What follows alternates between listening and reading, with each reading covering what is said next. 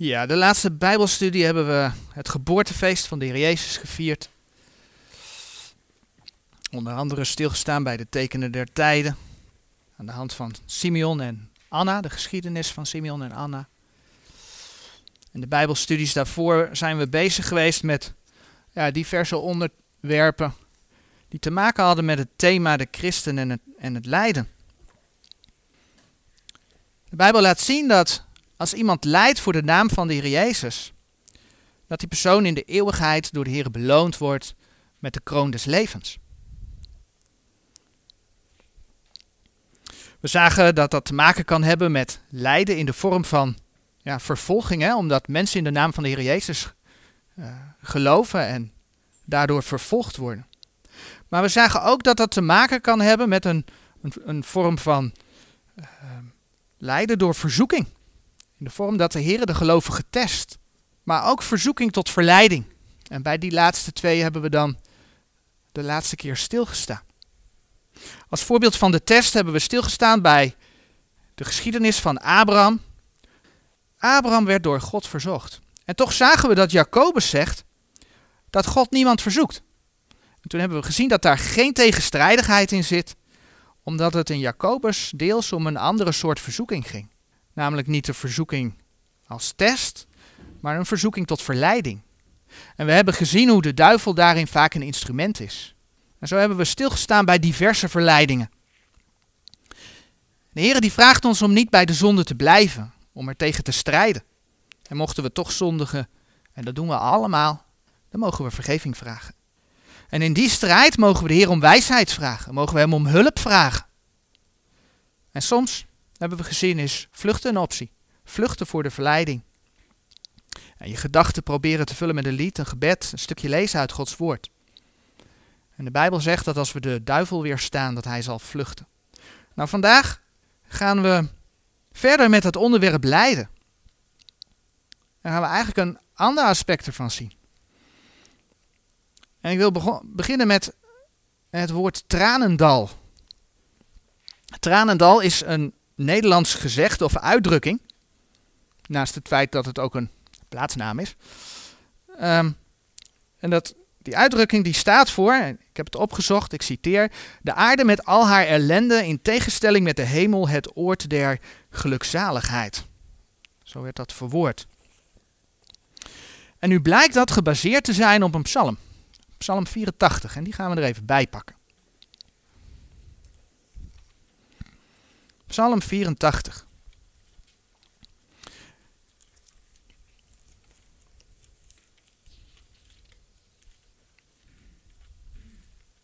In Psalm 84, vers 7. In Psalm 84, vers 7, daar lezen we. Als zij door het dal der moerbeziebomen doorgaan, stellen zij hem tot een fontein. Ook zal de regen hen gans rijkelijk overdekken. Nu gaan de psalmen veelal over het moment dat de Heer gaat opstaan. Dat lees je bijvoorbeeld in, en dan kun je zo een hele rits van die teksten, Psalm 3 vers 8, Psalm 7 vers 7, Psalm 9 vers 20. Nou, zo zijn er nog een aantal. Daarin lees je dat de Heer gaat opstaan. Even zo goed spreken heel veel van de psalmen over zijn koninkrijk. Psalm 2 vers 6, 8 en 9, Psalm 24, Psalm 45, Psalm 46 vers 11 en 12. Nou, en zo nog een aantal psalmen. En er zijn er nog wel veel meer. Met andere woorden, veel van de psalmen gaan over de grote verdrukking en over het duizendjarige vrederijk. Zo ook psalm 84, waar in vers 2 gesproken wordt over uw woningen, o heren der heerscharen. Hoe lieflijk zijn uw woningen, o heren der heerscharen. Psalm 84, dat spreekt over uw altaren, vers 4. Over uw huis, vers 5. Over uw voorhoven, vers 11. En dan gaat het hier niet om het nieuwe Jeruzalem, waar de gemeente straks zal wonen. Maar het is het huis waar ook Ezekiel over spreekt in Ezekiel 40 en de hoofdstukken daarna.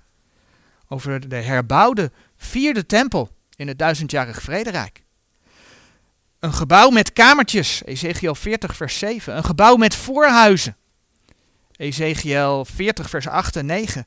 Een gebouw met voorhoven, Ezekiel 40, vers 19 en 20. En voor de Joden, voor de Joden is er dan herstel. Dat lezen we onder andere in Psalm 84, vers 12 en 13. Want God de Heere is een zon en schild. De Heere zal genade en ere geven. Hij zal het goede niet onthouden, degene die in oprechtheid wandelen. Heere der heerscharen, wel gelukzalig is de mens die op u vertrouwt. We hebben er wel eens bij stilgestaan dat er in het duizendjarig vrederijk weer overvloed zal zijn. Overvloed omdat het weer zal regenen. Joel 2, vers 23 en 24. En ook dat vinden we in deze psalm. Hebben we in vers, uh, vers 7 gelezen. De Heer Jezus komt voor de Joden, voor hen letterlijk als een fontein terug. Maar dat gebeurt als zij in grote verdrukking zijn. Als ze in hoogste nood zijn. Het Joodse volk, gaat door de tijd van Jacobs benauwdheid. Jeremia 30, vers 7. En dat lezen we dan in het eerste deel van vers 7 in die psalm. En dat zie je misschien niet op het eerste gezicht, maar het gaat er wel over. Dat stukje, als zij door het dal der moerbeziebomen doorgaan. Volgens velen is dat niet goed vertaald, maar wij laten het staan, omdat de Heer voor ons zijn woord bewaard heeft in de Statenbijbel. De King James heeft het woord onvertaald gelaten en dan staat er dal van Baka. En dat staat voor een soort struiken en doornen. Ik citeer even een soort struiken en doornen dat je dusdanig hindert dat je die zonder arbeid en tranen niet kunt passeren. En ja, daar kunnen we iets, ons iets bij voorstellen. Als we denken aan het Joodse volk, dat door de grote verdrukking heen tot bekering gaat komen. En via hun fontein, hè, hun, hun, hun, hun Heer, hun Messias, Jezus Christus uiteindelijk, in het huis des Heren in Sion zal komen. Maar we mogen hier natuurlijk ook een geestelijke les uittrekken. De Heere zal ons door dit aardse dal van tranen naar Hem toegeleiden. En reeds door dit leven mogen wij gaan, zoals vers 8 zegt, van kracht tot kracht.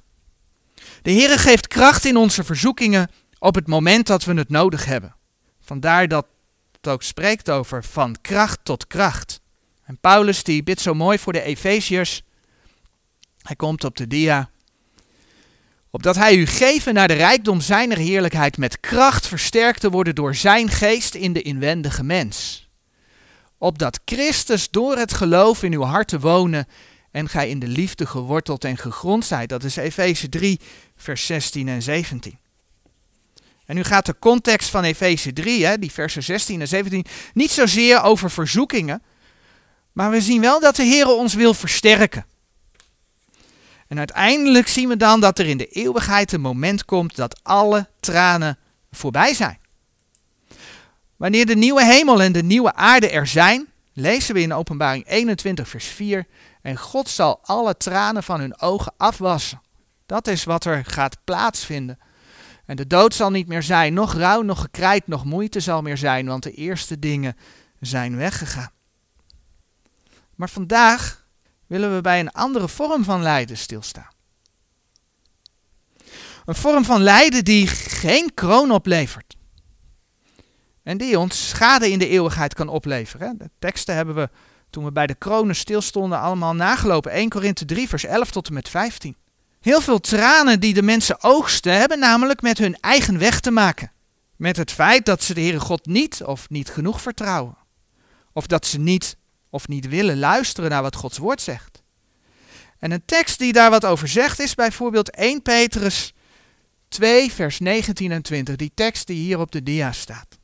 En dan staat er geschreven, want dat is genade indien iemand om de conscientia, het, het geweten, voor Gods zwarigheid verdraagt, leidende ten onrechte. Want wat lof is het indien gij verdraagt als gij zondigt en daarover geslagen wordt. Maar indien gij verdraagt als gij wel doet en daarover leidt, dat is genade bij God.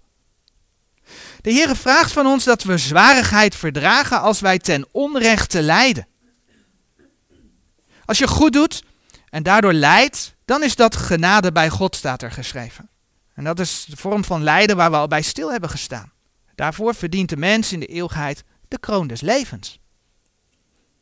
Maar dit vers laat ook een andere kant zien.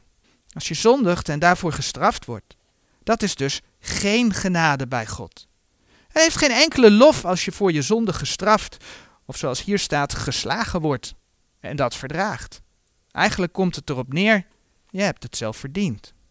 Als je bijvoorbeeld opgepakt wordt en in de gevangenis gegooid wordt, omdat je in de Heer Jezus gelooft en zijn naam beleidt, dan is dat iets wat lof verdient. Maar het verdient geen lof als je het verdraagt wanneer je in de gevangenis gegooid wordt, omdat je de bank beroofd hebt en daarvoor opgepakt bent. Je hebt het namelijk zelf verdiend. En al draag je dan die straf nog zo voorbeeldig, daar ontvang je van de Heer dus geen kroon des levens voor.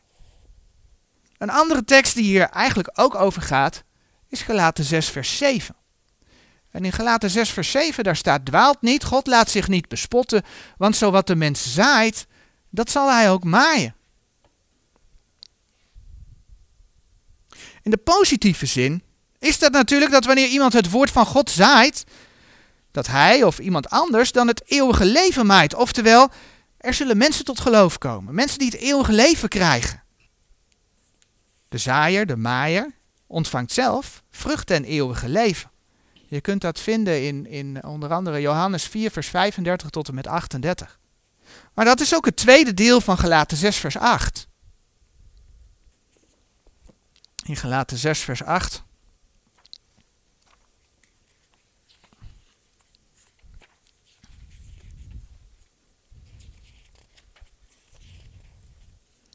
Gelaten 6, vers 8.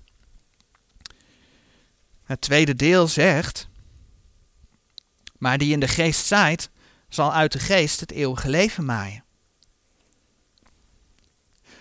Maar negatief geldt dit ook. Wanneer je zaadjes van distels zaait, zul je geen appels oogsten. Wanneer je zaadjes van distels zaait, dan, dan oogst je distels.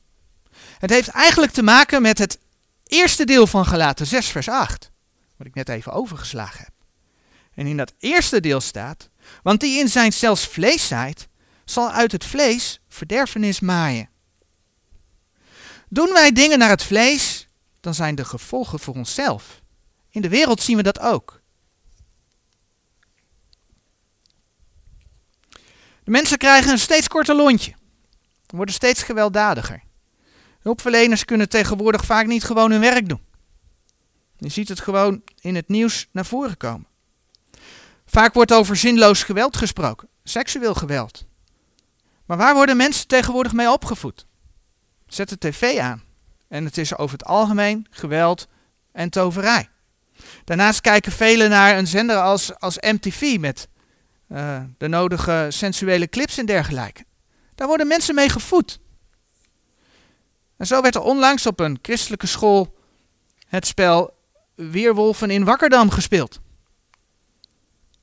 Een spel waarbij mensen dus bij maanlicht in weerwolven veranderen en waar uh, die weerwolven dan hun medespelers moeten verslinden of op een brandstapel moeten gooien. Een spel met heksen, een spel met zieners en noem maar op. Op een christelijke school. Kinderen worden hiermee grootgebracht. Raar hè? Dat de mensen steeds gekkere dingen gaan doen. Nee, het is niet raar, want het is heel gewoon. Zo wat de mens zaait, dat zal hij ook maaien. Wat je zaait, zul je oogsten. Terugkomend op een eerder voorbeeld, als iemand een bank berooft en daarvoor veroordeeld wordt tot zoveel jaar gevangenisstraf, dan is dat de eigen schuld van die persoon. Wat je zaait, zul je oosten. Zelfs als die persoon in de gevangenis tot geloof komt en God heeft al zijn zonden weggedaan, want ja, als je tot geloof komt, doet God je zonden allemaal weg. Zelfs dan zal hij de straf moeten uitzitten. Wat je zaait, zul je oosten. Een ander voorbeeld uit de Bijbel. God waarschuwt in, in zijn woord heel duidelijk tegen dronkenschap. Efeze 5 vers 18. En wordt niet dronken in wijn, waarin overdaad is, maar wordt vervuld met de geest. Er zijn meer teksten hoor. Spreuken 20 vers 1. Ook heel duidelijk over wijn en sterke drank. Wanneer een gelovige om wat voor een reden dan ook besluit om zich aan de drank te geven, dan zijn de gevolgen voor hem of haarzelf. Men kan er zelfs ziek van worden. Een ziekte levert verdriet. Overigens, sterke drank leidt natuurlijk op andere manieren ook tot verdriet. Als je denkt aan, aan ruzies die daaruit voortkomen, uit ongelukken in het verkeer. En vaak heb je dan ook andere mensen er nog mee. Het levert verdriet. En het staat niet zozeer in de Bijbel, maar in feite geldt dat dus ook voor roken. Roken is ongezond voor het lichaam. En Gods woord zegt, 1 Korinthe 3 vers 16, dat het lichaam de tempel van de Heilige Geest is. Ook daar kan men ziek van worden. En zo zijn er meerdere voorbeelden waar je dit bij kunt bedenken. Waarbij je je iets voor kunt stellen. Dat er gevolgen zijn aan het handelen. En dan kun je denken aan, hè, de Bijbel spreekt over de werken van het vlees.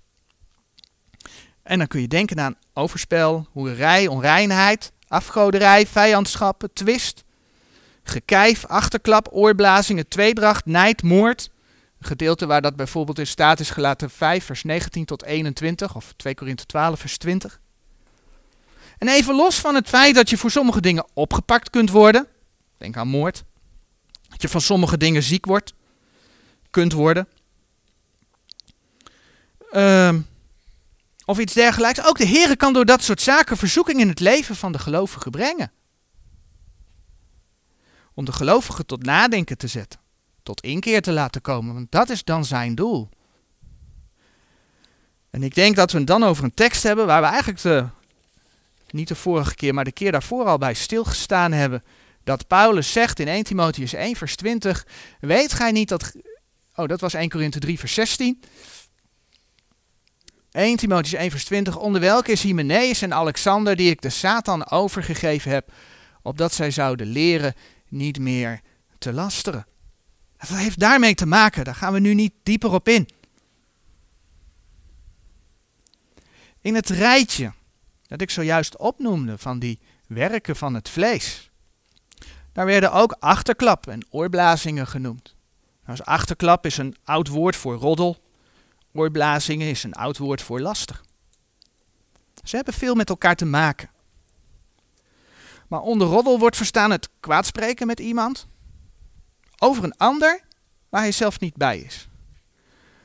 Nou heeft oorblazingen ook met kwaadspreken te maken, maar meer met, met, um, uh, met het verspreiden ervan. Men deelt een gerucht aan diverse mensen uit. Men fluistert het ze in. Vandaar dat het woord lasteren daar ook ja, bij past. Naast het feit dat de Bijbel duidelijk is dat dit soort dingen bij de werken van het vlees horen, want dat hebben we net gezien. Laat de Heer er geen gras over groeien wat hij hiervan vindt. In Spreuken 16, vers 28, daar staat bijvoorbeeld, hè, er zijn meerdere teksten van, een verkeerd man zal krakeel inwerpen en een oorblazer scheidt de voornaamste vriend. Psalm 57, vers 5, daar zegt David, mijn ziel is in het midden der leeuwen. Ik lig onder stokenbranden. Mensenkinderen welker tanden spiezen en pijlen zijn. En in tong een scherp zwaard. Dat zegt David. En in Psalm 119, vers 69 zegt de psalmist. De hoogvaardigen hebben leugens tegen mij gestoffeerd. Doch ik bewaar uw bevelen van ganser harte. En hoe makkelijk is het niet om in roddel te belanden, om, om erin mee te gaan? Wanneer iemand bij je komt en vraagt, die en die zegt dat, wat bedoelt die persoon daarmee? Is dat niet raar? Dan is het erg makkelijk om mee te praten. En zeker zodra je meegaat in dat stukje, is het niet raar. En het zelf ook raar zou vinden, dan kan die ander zich niet verdedigen. Maar vervolgens kan er over jou verteld worden, en hij of zij vindt het ook raar. Met dit soort dingen moeten we heel erg oppassen. Want voor we het weten, zijn we bezig met roddel. En ik heb het nu niet over dat, dat we geen stelling mogen innemen tegen dwaalleraars. Daar is de Bijbel duidelijk in. Hè? 1 Timotheus 1 vers 20, 2 Timotheus 2 vers 16 tot en met 18. Er zijn vele voorbeelden meer. In zulke gevallen is het het beste om een tegenvraag te stellen. Heb je het de persoon zelf al gevraagd? Want hij weet wat hij ermee bedoeld heeft. En daarmee is dan eigenlijk is, is het afgerond. Hetzelfde met oorblazingen. Vind je het raar wat een broeder zegt? Ga dan niet aan iedereen vertellen dat je het zo raar vindt. Maar ga eerst eens naar die broeder toe. Vraag waarom hij dat zo zegt. Misschien kan hij wat ophelderen. Of hij leert wat van jouw opmerkingen. Want dat is ook een mogelijkheid. Ook die broeder is maar een mens. Wanneer je het wel gaat rondvertellen, dan loop je het risico dat het weer bij jezelf terugkomt. De Bijbel zegt bijvoorbeeld in Psalm 64, vers 9. En hun tong zal hen doen aanstoten tegen zichzelf. En ieder die hen ziet, zal zich wegpakken. Hoe komt zoiets dan terug? De roddel verspreidt zich van de een naar de ander. Want ja, als je praat, kun je niet verwachten dat een ander niet praat. En op een gegeven moment merk je dan dat anderen, van wie je het misschien niet verwacht, ook over jou praten. Je loopt zelfs het risico dat mensen je niet meer aankijken. En dat is in feite wat in deze psalm staat. En ieder die hen ziet zal zich wegpakken. Ze maken dat ze wegkomen. Uiteindelijk leiden achterklap en oorblazingen, zoals we in de schrift zien, tot verdriet voor een ander, maar dus ook voor jezelf. Nu hebben we het gehad over de werken van het vlees, een aantal voorbeelden gezien. Voorbeelden van werken van het vlees die, die verdriet geven in het leven van mensen.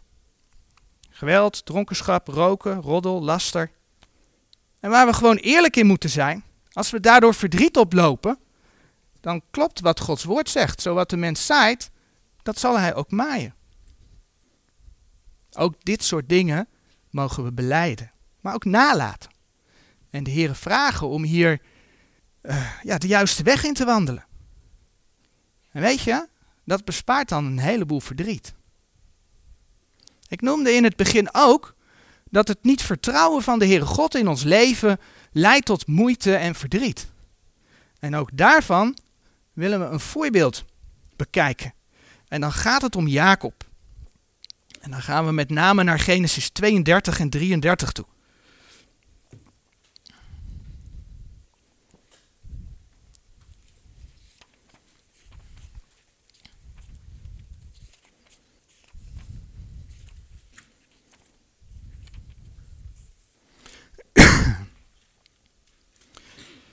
Jacob die verlaat Laban. En hij is op weg naar het land van zijn vader. Voordat Jacob Esau ontmoet, ontmoeten hem eerst weer engelen gods. En dat lees je in Genesis 32, vers 1. Waarschijnlijk op dezelfde manier als toen hij vluchtte voor de boosheid van zijn broer. Van zijn broer Esau. In Genesis 27, vers 43 en Genesis 28, vers 12 lees je dan dat engelen van de hemel afdalen en weer opstijgen. Nou, in Genesis 32 op de terugweg lees je ook dat Jacob engelen gods ontmoet. Maar we zien niet in Jacobs leven dat hij op God vertrouwt. En dan te bedenken dat hij notabene een opdracht van God had, van God zelf had om terug te keren. In Genesis 31 vers 3. Hij staat op de dia trouwens. Daar lees je, en de Heer zeide tot Jacob, keer weder tot het land uw vaderen en tot uw maagschap, hè, tot, tot je familie, naar je familie toe. En ik zal met u zijn. Dat is een duidelijke belofte. En ik zal met u zijn. En ondanks dat is Jacob bang. We kunnen lezen dat Esau hem op een gegeven moment met 400 mannen tegemoet komt. En dan lees je, dat is in Genesis 32 vers 6, en dan lees je in vers 7 Genesis 32. Toen vreesde Jacob zeer en hem was bange. En hij verdeelt alles wat hij heeft in tweeën. En weliswaar, dat doet hij ook nog, weliswaar bidt hij ook nog tot God. En dat lees je in Genesis 32, vers 9 tot en met 12. Maar vertrouwt hij dan ook op God? Hij heeft gebeden, maar vertrouwt hij dan ook op God? Nee. Hij stelt zich op als knecht en gaat het ene naar het andere cadeau naar Esau sturen. Maar dan, nog voordat hij Esau ontmoet, gebeurt er weer iets wonderlijks. In Genesis 32, vers 24, daar lezen we. Doch Jacob bleef alleen over en een man worstelde met hem totdat de dageraad opging. En hoe moeilijk dit ook te begrijpen is, het blijkt dat Jacob met God, die verscheen als een engel, en dat hij als een engel verscheen, dat lees je onder andere in uh, Hosea 12, vers 4 en 5. Die man was een engel. Heeft met God, die verscheen als een engel, gevochten. En dan lezen we in vers 28 van Genesis 32. Toen zeide hij, uw naam zal voortaan niet Jacob heten, maar Israël, want gij hebt u vorstelijk gedragen met God en met de mensen en hebt overmocht. Jacob heeft gezegevierd. Dat betekent niet dat een mens God aan kan. God laat zien door Jacobs heup aan te raken, Genesis 32, vers 25 en 31, waardoor hij gedeeltelijk kreupel wordt, dat God sterker is. Maar waarom zou de Heere Jacob op deze manier tegemoet getreden zijn?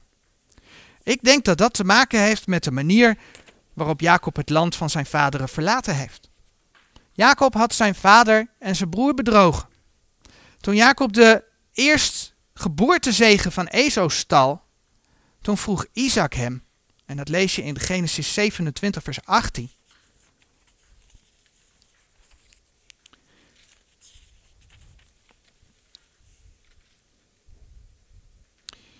En hij kwam tot zijn vader en zeide, mijn vader. En hij zeide, zie hier ben ik. Wie zijt gij, mijn zoon? En dan zegt hij in vers 19, ik ben Esau, uw eerstgeborene. En even verderop lezen we in vers 24 van Genesis 27. En hij zeide, zijt gij mijn zoon Esau zelf? En hij zeide, ik ben het. En zien we dan de vraag die de engel hem stelt in Genesis 32, in vers 27. En hij zeide tot hem, hoe is uw naam? Hoe is uw naam? En hij zeide, Jacob. Hij moest antwoorden Jacob. Jacob betekent hij houdt de hiel vast of hij bedriegt. Jacob wordt op deze manier door de Heere God geconfronteerd met zijn verleden. Met wat hij heeft uitgehaald. Maar Jacob houdt, sta houdt staande. En natuurlijk niet in zijn zonde. Maar hij blijft staande in zijn worsteling met God. In zijn gebedstrijd. Hij kan niet alleen verder. Dat beseft hij. En hij vraagt om God zegen. Genesis 32 vers 26. En uiteindelijk gaat deze Jacob met God zegen en een nieuwe naam, Israël, hè, vorst van God, weg. Staat in vers 28 en 29 van Genesis 32. Wauw, wat een strijd. En dan zou je toch verwachten dat deze man na zo'n ervaring in vol vertrouwen op God verder gaat. Maar wat zien we gebeuren? Vers 33, Genesis 33, vers 1 tot en met 3. Hij verdeelt zijn familie in groepen en stelt ze zo op dat zijn meest dierbare familieleden achteraan staan. En daarna loopt hij al buigend naar zijn broer Esau toe. Staat in de eerste drie versen. Hoezo vertrouwen op God? Maar wat zien we dan gebeuren? In Genesis 33, vers 4, daar lezen we. Hij komt ook op de dia te staan. Toen liep Esau hem tegemoet en nam hem in de arm en viel hem aan de hals en kuste hem. En zij weenden. Het was allemaal gewoon goed. Er was helemaal niks meer aan de hand. En het mooie is dat God die uitkomst al lang wist. En Jacob maar zweten en plannen maken. En het heeft op geen enkele manier bijgedragen aan de oplossing. En God had toch tegen hem gezegd dat hij terug moest keren naar het land van zijn vaderen. Dan had hij toch ook kunnen weten dat God voor een oplossing met Esau zou zorgen. Jacob had meer moeten bidden en meer moeten vertrouwen op God. Dat hij hem zou leiden. Al het zorgen maken van Jacob was dus niet nodig geweest.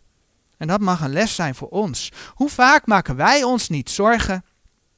Of gaan we plannetjes maken om onze gewenste uitkomst te bespoedigen. We maken ons zorgen als het niet gaat zoals wij het wensen. Terwijl de Heere God, ook al zien we het soms even niet, de uitkomst al reeds bewerkt heeft. En ja, soms op een andere manier dan wij het oorspronkelijk gewild zouden hebben. Maar de les van Jacob is: maak je geen zorgen, vertrouw op God. Wanneer wij strijd en daardoor verdriet of zorgen in ons leven tegenkomen, dan zijn we nogal snel geneigd om met het vingertje naar de duivel te wijzen. Hij is immers de veroorzaker van alle ellende. Maar het is niet altijd terecht. En misschien moeten we als mensen soms ook wel tot de conclusie komen dat het misschien wel vaak niet terecht is. Vertrouwen wij wel werkelijk in alle dingen op de Heere God? Ook als het soms een beetje anders loopt dan wij gedacht hadden. En als wij lijden, is het goed om ons ook eerst zelf eens af te vragen of we misschien zelf iets fout gedaan hebben. Want als we lijden omdat we zelf fouten maken, dan moeten we er eigenlijk niet om huilen, omdat we oogsten en want we zaaien. Dat is wat Gods woord laat zien. Wat wij moeten doen als we erachter komen dat we iets fout gedaan hebben, is het beleiden aan de Heere God. Dat op de eerste plaats natuurlijk. Want Hij vergeeft alle zonden. 1 Johannes 1 vers 9. Hele bekende tekst. Maar niet alleen dat. Als we ten opzichte van onze naaste fout zijn geweest, dan moeten we dat ook aan onze naaste beleiden. En vaak vinden we dat erg moeilijk als mensen, maar het is wel wat de Heer God vraagt. Hè? Jacobus 5 vers 16, beleid elkander de misdaden en bid voor elkander.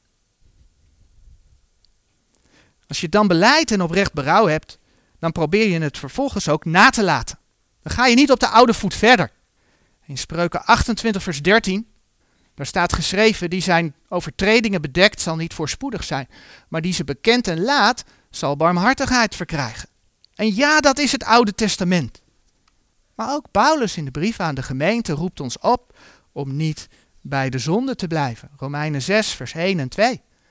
Wat zullen wij dan zeggen? Zullen wij in de zonde blijven opdat de genade te meerder wordt? Dat zij verre. Wij die der zonde gestorven zijn, hoe zullen wij nog in dezelfde leven? En eigenlijk breng je dan in de praktijk wat er in Efeze 5, en dat gaan we samen opzoeken en lezen. Wat er in Efeze 5, vers 8 tot en met 17 geschreven staat. Efeze 5 vanaf vers 18.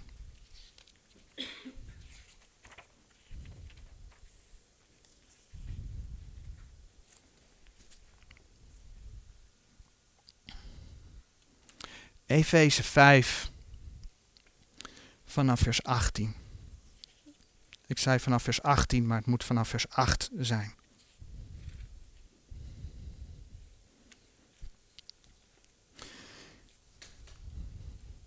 Efeze 5. Efeze 5 vanaf vers 8. Want gij waart eertijds duisternis, maar nu zijt gij licht in de Here, wandelt als kinderen des lichts. Want de vrucht des geestes is in alle goedheid en rechtvaardigheid en waarheid, beproevende wat de Heere wel behagelijk is. En hebt geen gemeenschap met de onvruchtbare werken der duisternis, maar bestraft ze ook veel eer. Want hetgeen heimelijk van hen geschiet is schandelijk ook te zeggen. Maar al deze dingen van het licht bestraft zijnde worden openbaar. Want al wat openbaar maakt is licht. Daarom zegt hij, ontwaak gij die slaapt en sta op uit de doden, en Christus zal over u lichten. Ziet dan hoe gij voorzichtiglijk wandelt, niet als onwijze, maar als wijze, de tijd uitkopende, terwijl de dagen boos zijn. Daarom zijt niet onverstandig, maar verstaat welke de wil des Heren is. Als christen weten we dat het leven soms uit strijd en tranen bestaat. We zullen te maken krijgen met verzoekingen, verleidingen. Maar we kunnen dus stellen dat we ons in ieder geval deels tranen kunnen besparen door op de Heer te vertrouwen en ons te houden aan zijn woord. En ja, wij mogen uitzien naar een moment dat de Heer eens alle tranen van de ogen zal afwassen. Tot zover voor vandaag.